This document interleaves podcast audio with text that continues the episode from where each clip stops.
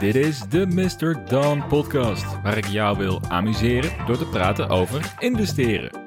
Mijn naam is Jasper en leuk dat je luistert naar deze aflevering. Er begint langzaam wat spanning en onzekerheid te komen bij investeerders in cryptocurrencies. De Crypto Fear and Greed Index, die het sentiment peilt op basis van bijvoorbeeld koers, volatiliteit en handelsvolume, heeft gisteren de score van 10 op de schaal van 100 aangetikt. En dat staat voor een extreem negatief sentiment.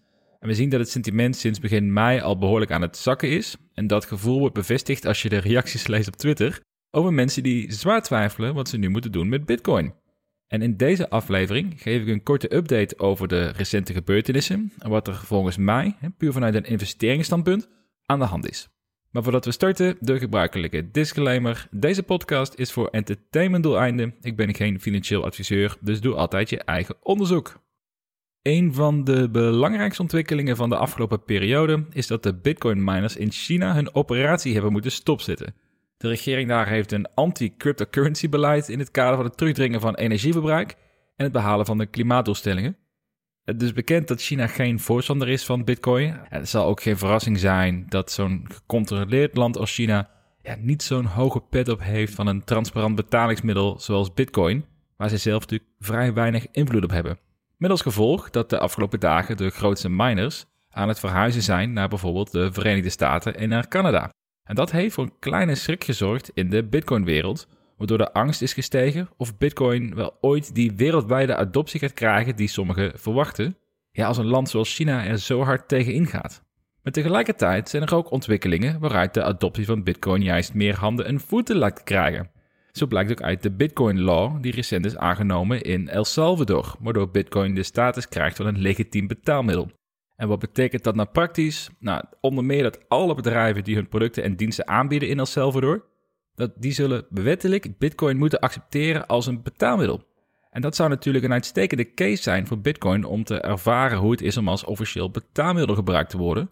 De vraag is echter wel of dat stand gaat houden, aangezien er daar inmiddels de nodige reuring is ontstaan, ook voor betreft rechtszaken bijvoorbeeld, en ook wat onzekerheid of de wet wel daadwerkelijk in de praktijk haalbaar is. En ook kan je je afvragen of de massa hier al klaar voor is. Zeker in landen met een zwakkere munteenheid, die lijken vooral te profiteren van een snelle adoptie van Bitcoin. Maar ja, bijvoorbeeld een derde van de mensen in El Salvador heeft niet eens een internetaansluiting. Ja, en dat gaat natuurlijk niet helpen in de adoptie van Bitcoin in, in zo'n land.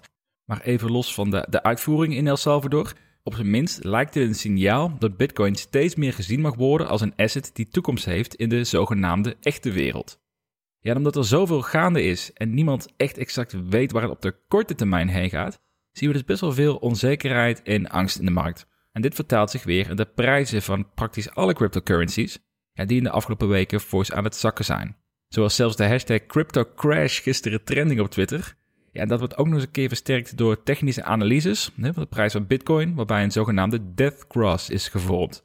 En dat gebeurt als de gemiddelde koers van de afgelopen 50 dagen lager ligt dan die van de afgelopen 200 dagen. Ja, wat gezien wordt als een signaal dat verdere dalingen vrij waarschijnlijk zijn. Dus oftewel dat de Fear and Greed Index op 10 van de 100 staat, dat lijkt wel een prima inschatting van het sentiment te zijn. Maar ja, hoe kun jij hier nou op anticiperen? En vanuit mijn perspectief als investeerder zijn dit eigenlijk de mooiste momenten om extra scherp te blijven. En niet vanuit angst om geld te verliezen, maar vooral vanuit de kansen die dit soort situaties biedt als je hier scherp op bent. Want uiteindelijk volatiliteit is een vriend van een goede lange termijn belegger. En op het moment dat iedereen om je heen negatief is, ja, dan is dat eigenlijk het moment om toe te slaan. Want als ik feitelijk kijk naar de ontwikkelingen van Bitcoin in de afgelopen maanden, dan zie ik een enorme adoptie van Bitcoin door grote bedrijven en instanties. Ik lees daarnaast een hoop positieve ontwikkelingen rondom het technische verhaal, al moet ik zeggen dat ik niet genoeg onderlegd ben om daar echt inhoudelijke uitspraken over te doen. En merk je ook steeds meer dat Bitcoin meer op waarde wordt geschat. En ik heb onlangs 80% van mijn cryptocurrency verkocht in de periode dat Bitcoin rond de 51.000 euro stond. Puur op basis van mijn gevoel bij het sentiment wat er toen heerste. En dat was destijds al heel erg euforisch. Dat heb ik ook destijds via Twitter ook al duidelijk aangegeven wat mijn eh, gevoel daarbij was. En dat was gelukkig achteraf gezien de juiste beslissing. Wat overigens meer geluk dan wijsheid is, hè, laat ik dat wel duidelijk stellen. Maar ik ben wel sinds gisteren weer begonnen met het verzamelen en het kopen van crypto. En dan voornamelijk Bitcoin, eh, maar ook Ethereum en Cardano. rond de, toen de rond de koers stond van 25.000 euro bitcoin. Want op dit moment vind ik het sentiment te negatief voor hetgeen wat ik eigenlijk echt zie gebeuren in het bitcoin-domein. En als de koers de komende weken blijft hangen rond deze prijs, of misschien zelfs wel lager gaat, ja, dan zal ik zelfs nog agressiever gaan zijn in het bijkopen, omdat ik erin geloof dat bitcoin over drie tot vijf jaar fors meer waard gaat zijn dan de huidige prijs. ongeacht of de prijs in de komende tijd opnieuw zou halveren, eh, dat vind ik eigenlijk niet zo heel interessant, behalve dat dat dus de mogelijkheid biedt om meer bij te kopen.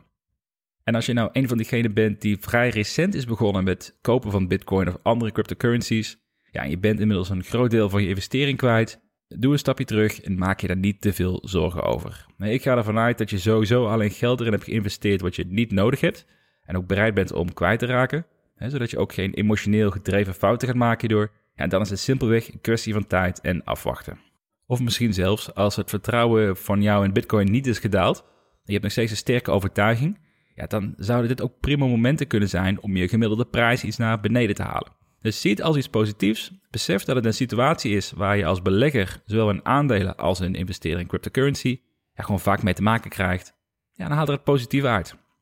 En hiermee komt deze aflevering ook weer ten einde. Vind je dit nou een toffe podcastserie? Dan zou ik het tof vinden als je dit zou willen delen met je vrienden. Zeker nu er korte afleveringen zijn. Zit er vast iets tussen wat je vrienden of bekenden zou, zou helpen als zij interesse hebben in beleggen.